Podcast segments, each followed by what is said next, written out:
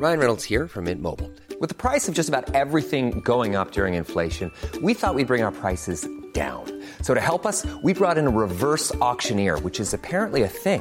Mint Mobile unlimited premium wireless. Ready to get 30, 30, bit to get 30, bit to get 20, 20, 20, bit to get 20, 20, bit to get 15, 15, 15, 15 just 15 bucks a month. So, Give it a try at mintmobile.com slash switch. $45 upfront for three months plus taxes and fees. Promo for new customers for limited time. Unlimited more than 40 gigabytes per month. Slows. Full terms at mintmobile.com. Burrow's furniture is built for the way you live.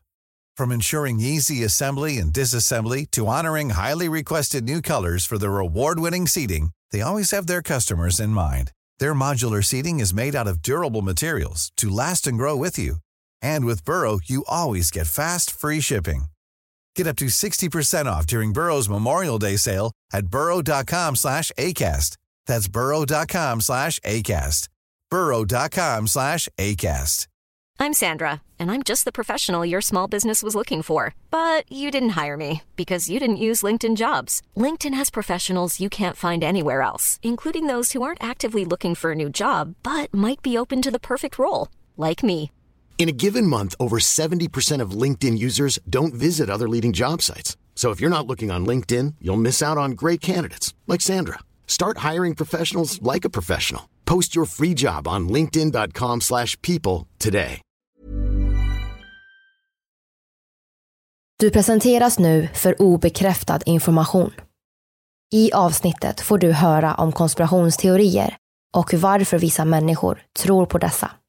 Var därför kritisk till materialet som bygger på fiktion, åsikter och vinklad fakta. Podcasten kan inte ses som en trovärdig källa.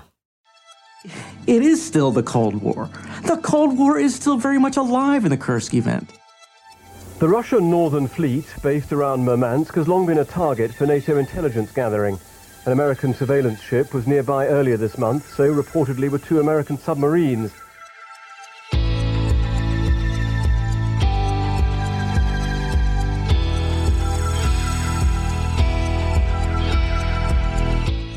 Det här är podden för dig som är intresserad av en annan version av verkligheten. En version som tar upp alternativa teorier, mystiska sammanträffanden och diskussioner om vad som kan vara sant. Mitt namn är Vivi.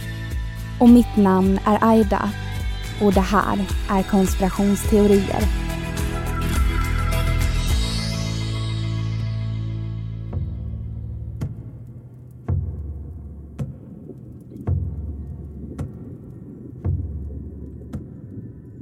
Lördagen den 12 augusti 2000 under en storskalig flottövning i Barents hav i norr sjunker atomubåten Kursk till havsbotten med sin besättning om 118 man. Den stora frågan är varför. Varje dag presenteras nya rykten från flottan, pressen och experter. Ryska marinens chef Vladimir Kurajedov meddelar att olyckan beror på en allvarlig kollision. Rysslands vice premiärminister Ilja Klebanov, som får ansvar att leda haverikommissionen, anser att en kvarglömd mina från andra världskriget är boven. Nordflottans stabschef Michail Motsak instämmer att den första smällen stämmer överens med en mina och berättar att sex stycken hittats i Barents hav mellan 92 och 99. Därefter kommer rykten om utländsk inblandning.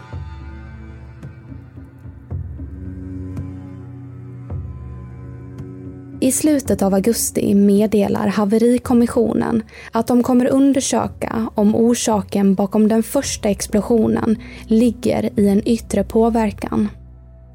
Under hösten gör Nordflottans befälhavare, amiral Popov, flera uttalanden om en kollision med en NATO-ubåt som skuggat övningen. Marinchefen Kurajedov är 80% säker på kollisionsteorin likt många andra inom ryska marinen. Sen kommer vändningen. Myndigheter slutar prata om utländsk inblandning och en annan förklaring accepteras. En defekt torpedtub.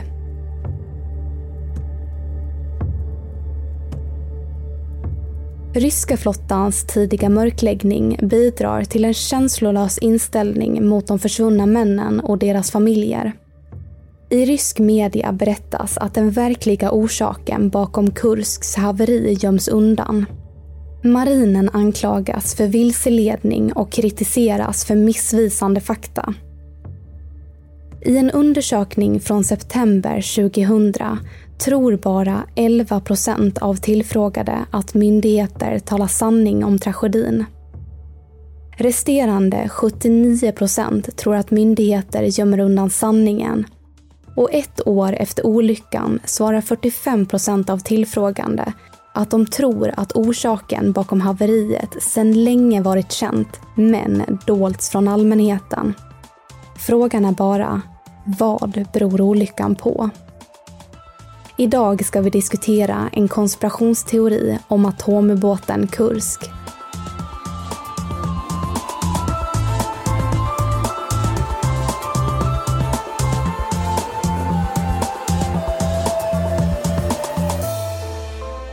Det här är podden för dig som är intresserad av en annan version av verkligheten.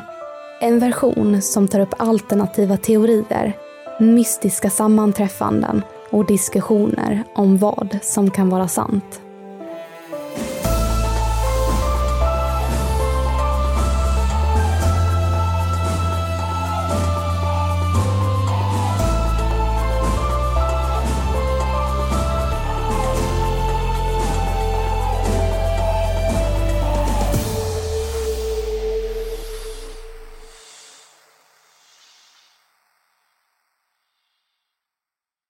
Riksåklagaren Vladimir Ustinov får ansvar över den officiella utredningen och Nikolaj Patrushev, chef över ryska säkerhetstjänsten FSB, biträder honom. Redan innan haveriutredningen påbörjats menar Ustinov att förklaringen med en defekt torpedtub är mest trolig. Under vintern 2000 tas beslut att bärga ubåten. Ryssland ber Norge om hjälp att bärga ubåtsmännens kroppar. Med en stor sorg bekräftas tidiga misstankar om överlevare. I maskinrummet i ubåtens akter identifieras kaptenlöjtnant Dmitrij Kalesnikov med ett inplastat brev i fickan. Brevet innehåller datum och tid sjömännens namn och ansvarsområdet tillsammans med några rader om att trycket ökar inuti ubåten, syret försvinner och männen kan inte ta sig ut. Av brevet konstateras att 23 män omkom flera timmar efter explosionerna. Timmar som kunde, om utländsk hjälp accepterats, gjort en skillnad på liv och död. 23 män dog inte till följd av drunkning utan av koldioxidförgiftning och syrebrist.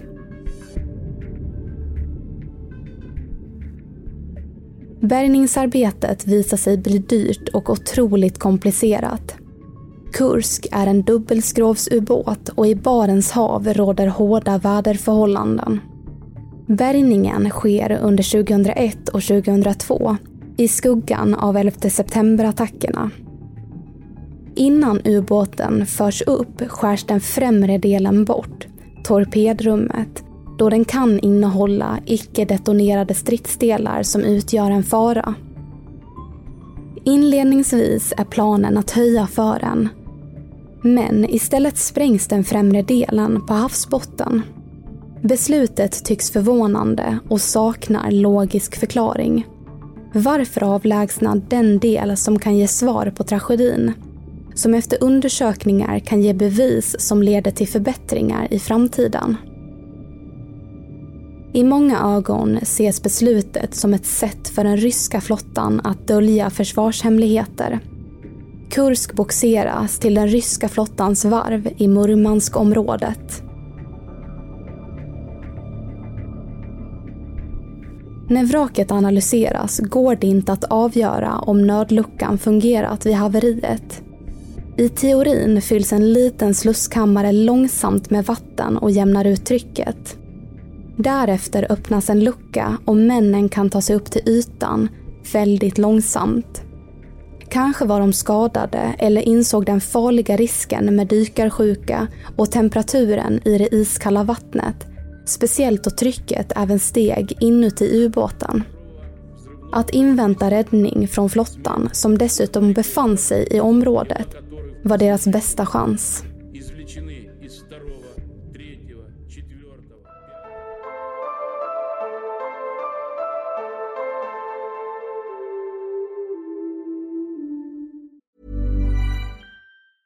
Hey, I'm Ryan Reynolds. Recently, I asked Mint Mobile's legal team if big wireless companies are allowed to raise prices due to inflation. They said yes. And then when I asked if raising prices technically violates those onerous two year contracts, they said, What the f are you talking about, you insane Hollywood ass?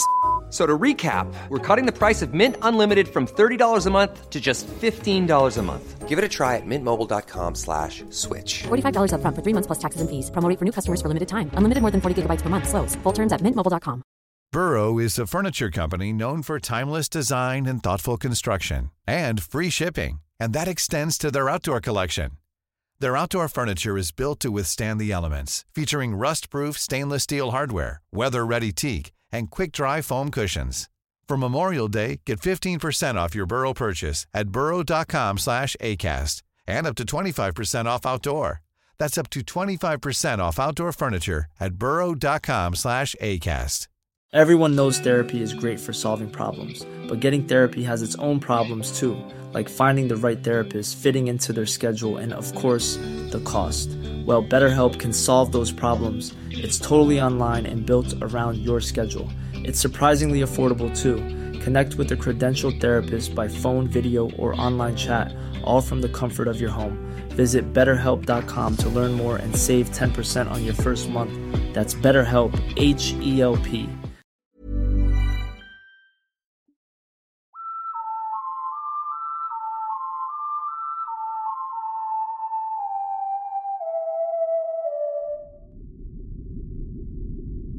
Riksåklagaren Vladimir Ustinovs slutrapport är klar sommaren 2002. Ungefär två år efter olyckan när ubåtens för bärgats. Den interna rapporten innehåller 133 volymer. Det mesta hemligstämplas och de anhöriga får några dagar senare ta del av en sammanfattning på fyra sidor i den statligt kontrollerade dagstidningen där det berättas om föråldrad utrustning, oaktsamhet och en omotiverat försenad räddningsoperation. Inom marinen fruktas att Ryssland kommer förlora sin status som stormakt om det kommer ut att ubåten havererat till följd av brister och besättningens agerande. Trots rapportens många motsägningar blir den officiella förklaringen ett läckage av ett väldigt instabilt bränsle.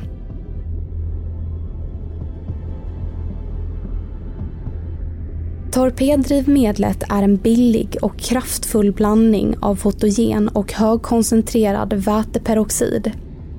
I haverirapporten berättas om flertalet faktorer som påverkat olyckan. Vapen är defekta Komponenter är utdaterade. Det görs inte en inspektion innan avgång. När torpeden på Kursk avfyras sipprar väteperoxid ut i torpedtuben som är tillverkad av bland annat koppar. Följden blir en våldsam reaktion och en explosionsartad brand. Detaljerat beskrivs hur läckaget troligen uppkommer under hanteringen och vissa källor vittnar att torpeden tappats under transporten och fått en spricka. Torpedtillverkaren kritiserar slutsatsen och anser händelseförloppet orimligt utifrån de tester och kontrollsystem som finns. Även om väteperoxid är den största boven så kommer nästa problem efter olyckan en nödboj på Kursk skulle automatiskt utlösas under en nödsituation och flyta upp till ytan. Som en signal för att hitta ubåten.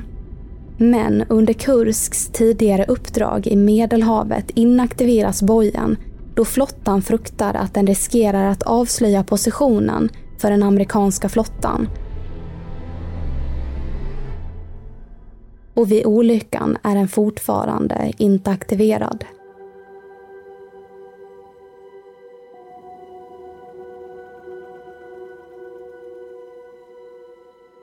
Flottans kronjuvel blir inte en symbol för Rysslands storhet på haven utan ett bevis för landets bristfälliga krishantering och militära svaghet. Riksåklagaren Vladimir Ustinov riktar skarp kritik mot övningsledningen. I slutändan bär ingen skulden eller ansvaret. Inga åtal väcks då olyckan inträffar på grund av tekniska fel. Samtidigt som torpedtillverkaren frias. Besvikelsen är enorm hos ryska befolkningen. Myndigheter går inte att lita på och människoliv verkar inte mycket värt. Familjer splittras på ett fruktansvärt sätt. Många kvinnor förlorar sin man. Vissa förlorar en bror. Barn blir utan sin pappa. Flera höga officerare avskedas. Bland annat Norra flottans befälhavare, amiral Popov. Nordflottans stabschef, Mikhail Motsak. Rysslands vice premiärminister Ilja Klebanov och försvarsminister Igor Sergejev. Männen som gång på gång förespråkat olycksorsaken genom en kollision med en främmande ubåt skulle inom kort återkomma i olika höga positioner inom regeringen.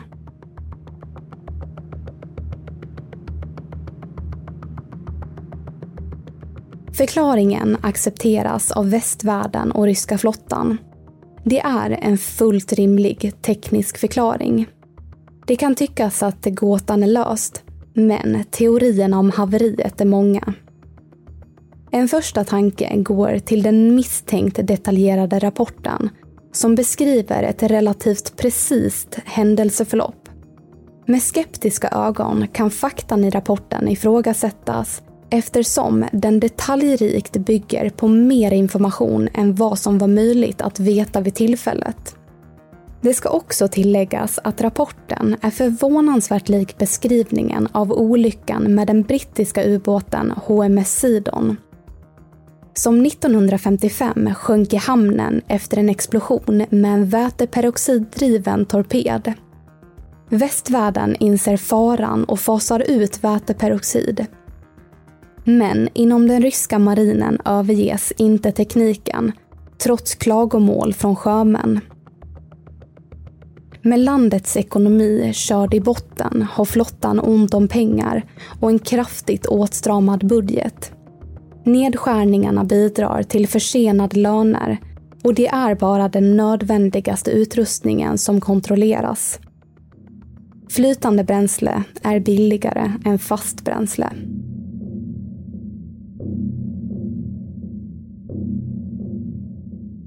Torpedens instabila bränsle är den enda förklaring som avvisar påståenden om utländsk inblandning. Det kan vara så enkelt men förklaringen kan också vara konstruerad av diplomatiska skäl.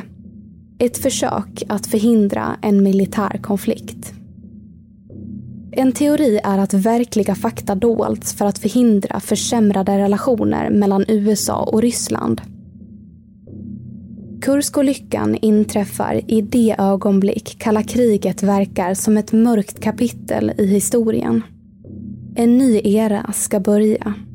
Hittills har ingen avfyrat och det ska fortsätta så. Bekräftat är att militärövningen i Barents hav övervakas av väst, som har flera spionfartyg på plats. De två amerikanska attackubåtarna Memphis och Toledo cirkulerar i området.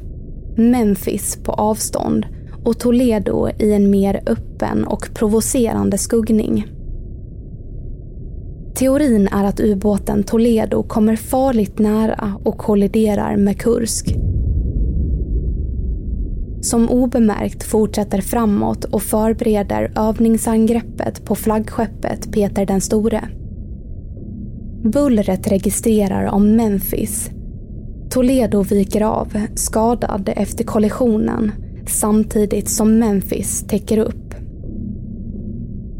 När Kursks torpedluckor öppnas fruktar besättningen ombord Memphis ett angrepp och avfyrar en MK48 torped mot Kursk som träffar ubåtens torpedfack. Den första explosionen. När den sjunkande Kursk träffar havsbotten kommer den andra smällan.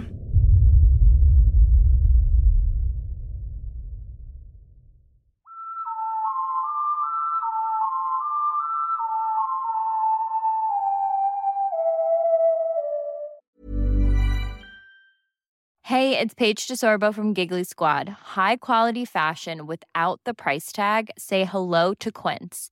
I'm snagging high-end essentials like cozy cashmere sweaters, sleek leather jackets, fine jewelry, and so much more. With Quince being 50 to 80% less than similar brands. And they partner with factories that prioritize safe, ethical, and responsible manufacturing. I love that. Luxury quality within reach. Go to quince.com slash style to get free shipping and 365 day returns on your next order. Quince.com slash style.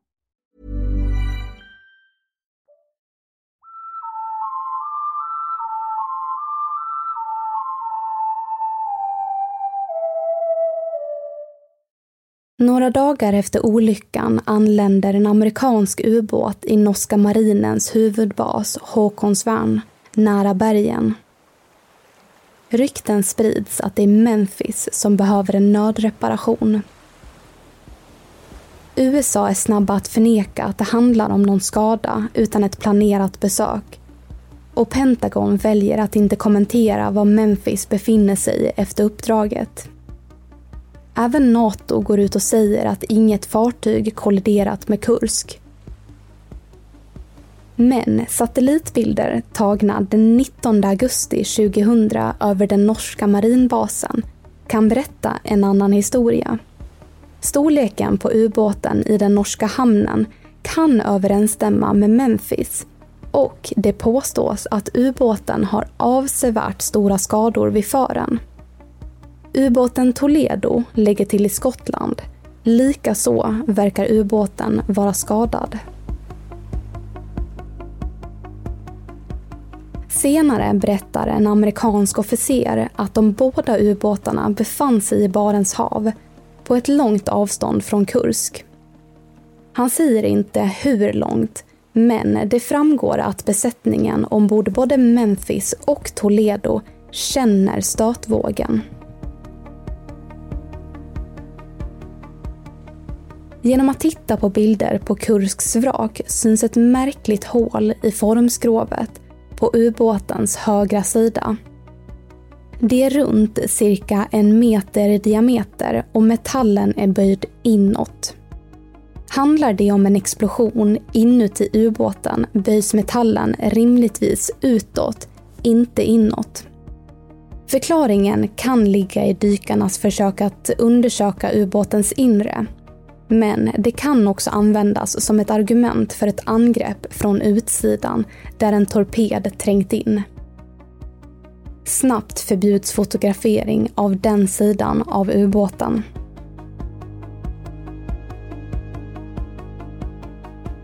Kort efter olyckan hittas ett föremål på havsbotten, bara några hundra meter från platsen där Kursk förlist. En rysk toppgeneral spekulerar i att det kan vara utrustning tillhörande amerikanska eller brittiska ubåtar. Föremålet, som inte kan lyftas från havsbotten, bevakas hårt av ryska fartyg. Även en grönvit nödboj hittas av ett team från kryssaren Peter den store.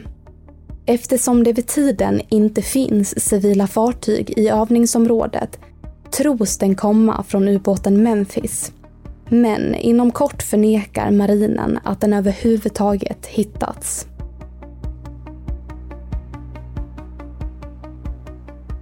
Under samma tidsperiod gör CIA-chefen George Tenet en topphemlig resa till Moskva. Clinton och Putin har flera telefonsamtal och den ryske presidenten besöker New York. I Ryssland råder tystnad från myndigheter.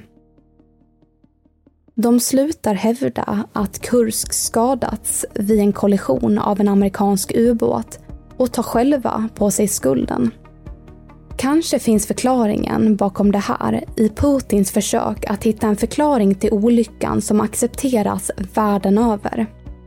Under hösten skriver USA av en del av Rysslands skulder och landet beviljas ett nytt lån om ungefär 10 miljarder dollar. Det som talar emot den här teorin är att många måste vara involverade i den här mörkläggningen. Vi pratar såklart om ryska flottan, men även den amerikanska, brittiska och norska marinen. Även politiker i flera länder och reparatörer i flottbasen i Norge. En annan teori om olyckan publiceras i tyska, engelska och ryska tidningar.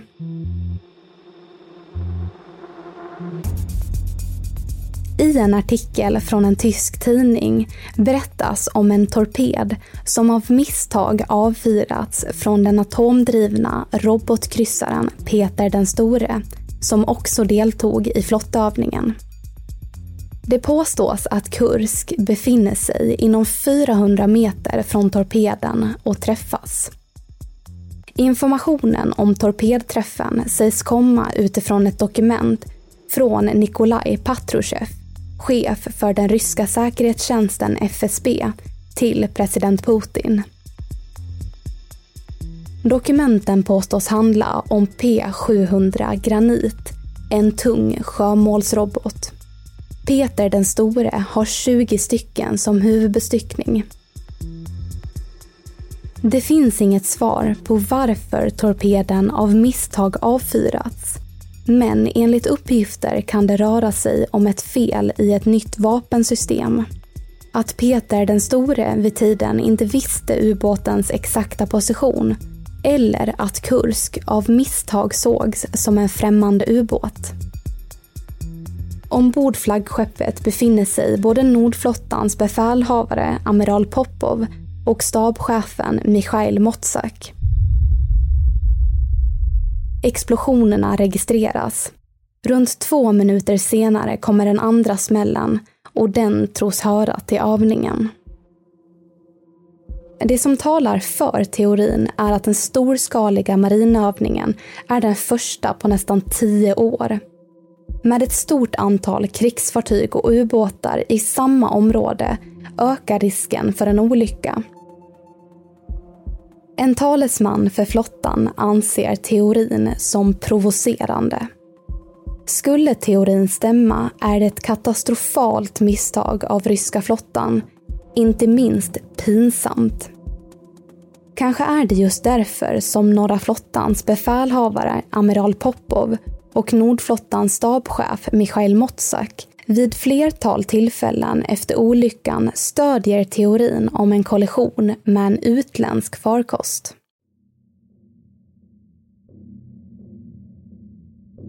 Liknande och såklart obekräftade teorier handlar om en hemlig supertorped eller någon annan ny rysk teknik som testas under övningen. Vissa tror experiment genomförs på flaggskeppet Peter den store, där någonting går snett. Andra är säkra på att det är ombord Kursk. I Barents hav är närvaron av utländska spionfartyg stor. Mycket talar för att västs intresse ligger i supertorpeden skvall som har utvecklats sedan 80-talet. Samma år som Kurskolyckan döms amerikanen Edmund Pope av rysk domstol anklagad för spioneri relaterat till Skvalls vapensystem. Natos spionfartyg i Barents hav hoppas kunna registrera information om provskjutningen av torpeden. Ombord Kursk finns utöver ubåtens ordinarie besättning om 107 män minst två experter från företaget Dag Diesel Plant som tillverkat skvalltorpeden. Deras närvaro teoretiseras handla om en provskjutning med en uppdaterad och förbättrad version. USAs underrättelseorgan har även fått oroande uppgifter att flottövningen observeras av kinesiska funktionärer. En oroande maktbalans för väst om Ryssland väljer att sälja torpeden vidare.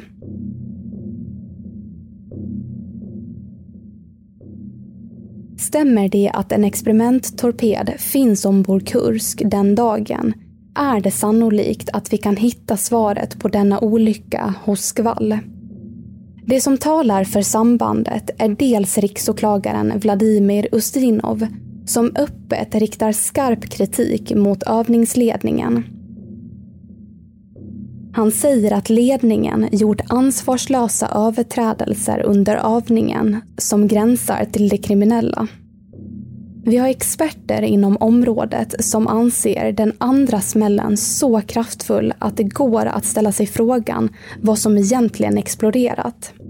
Inte minst finns även Natos signalspaning som innan den första explosionen plockar upp rysk radiotrafik där tillstånd ges att avfyra en torped utan namn. Den första explosionen kan härstamma från raketmotorn som exploderar innan den lämnar torpedtuben. Det som går snett här kan vara utskjutningsanordningen som klickar ur. Bränslet fattar eld, hettan sprider sig och övriga torpeder värms upp. Flera mindre explosioner registreras och runt två minuter efter första smällen kommer en betydligt mer kraftfull explosion av en skarpladdad torped.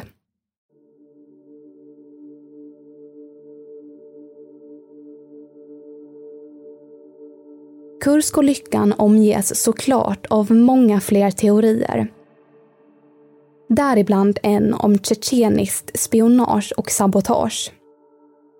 Teorin tar avstamp från krigen mellan tjetjeniska separatister och rysk militär vars bakgrund härstammar från ryska erövringen av Kaukasusområdet på 1700-talet. De kaukasiska folken, däribland tjetjener, tvingas efter motstånd att ge vika. 1991 är Sovjetunionens kollaps ett faktum och en tjetjensk självständighetskamp mot Ryssland inleds. När Tjetjenien utropas som en självständig stat avvisar Rysslands dåvarande president Boris Jeltsin förklaringen och hotar med militära konsekvenser. Utöver krossade imperiedrömmar och nationalismens starka kraft i rysk politik finns geografiska och ekonomiska intressen i Kaukasus. Området är en knutpunkt med smidiga exportvägar och här finns olja och andra mineraler. Men kanske viktigast, gas och oljeledningar som löper genom Tjetjenien till ryska händer. Vintern 94 inleds en fullskalig invasion. Det blir en kortvarig vapenvila 96. Och under sensommaren 1999 blossar konflikten till liv igen när tjetjenska förband invaderar byar i grannrepubliken Dagestan. Drivande motiv hos de tjetjenska rebellerna skiftar. Några kämpar för ett fritt Tjetjenien Andra ser sig som soldater i ett heligt krig, jihad, mot Ryssland och ämnar skapa en islamistisk union mellan Tjetjenien och Dagestan och fördriva ryssar från området. När Kurskolyckan inträffar år 2000 finns minst två personer från företaget Dag Diesel Plant ombord ubåten. Företaget som tillverkat skvalltorpeden har sitt säte i Dagestan. Ryska säkerhetstjänsten FSB tittar närmare på männens bakgrund men hittar inga tecken på bristande karaktär. Men i olika forum och trådar på nätet spekuleras om männen deltog i kampen mot det ryska imperiet. Att orsaken bakom haveriet ligger i sabotage.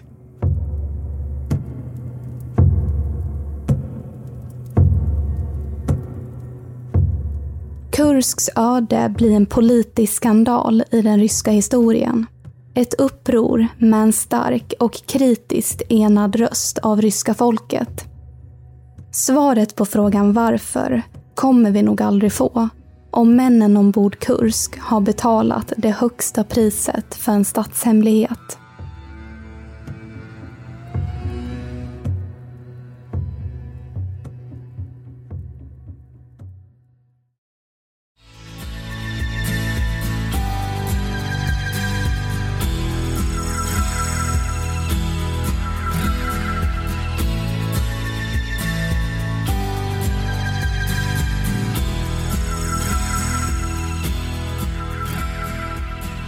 Du har lyssnat på ubåten Kursk. Avsnittet gjordes vintern 2022. Vi som har gjort programmet heter Vivian Lee och Aida Engvall tillsammans med redigerare Jenny Olli. Källorna till dagens program hittar du via vår Facebook eller Instagram där vi heter konspirationsteorier. Via våra sociala medier kan du även skicka in tips och önskemål på teorier som du vill höra i podden. Vill du höra fler avsnitt av konspirationsteorier? Lyssna på avsnitt som Mörkläggningen av Estonia. Då vet, man vet ju det att om en, ett passager, stort passagerarfartyg ropar mayday så då vet man att nu, nu är det någonting som händer. Mysteriet Romanov. I can't imagine how indescribably horrible that was, that scene. Och mycket mer.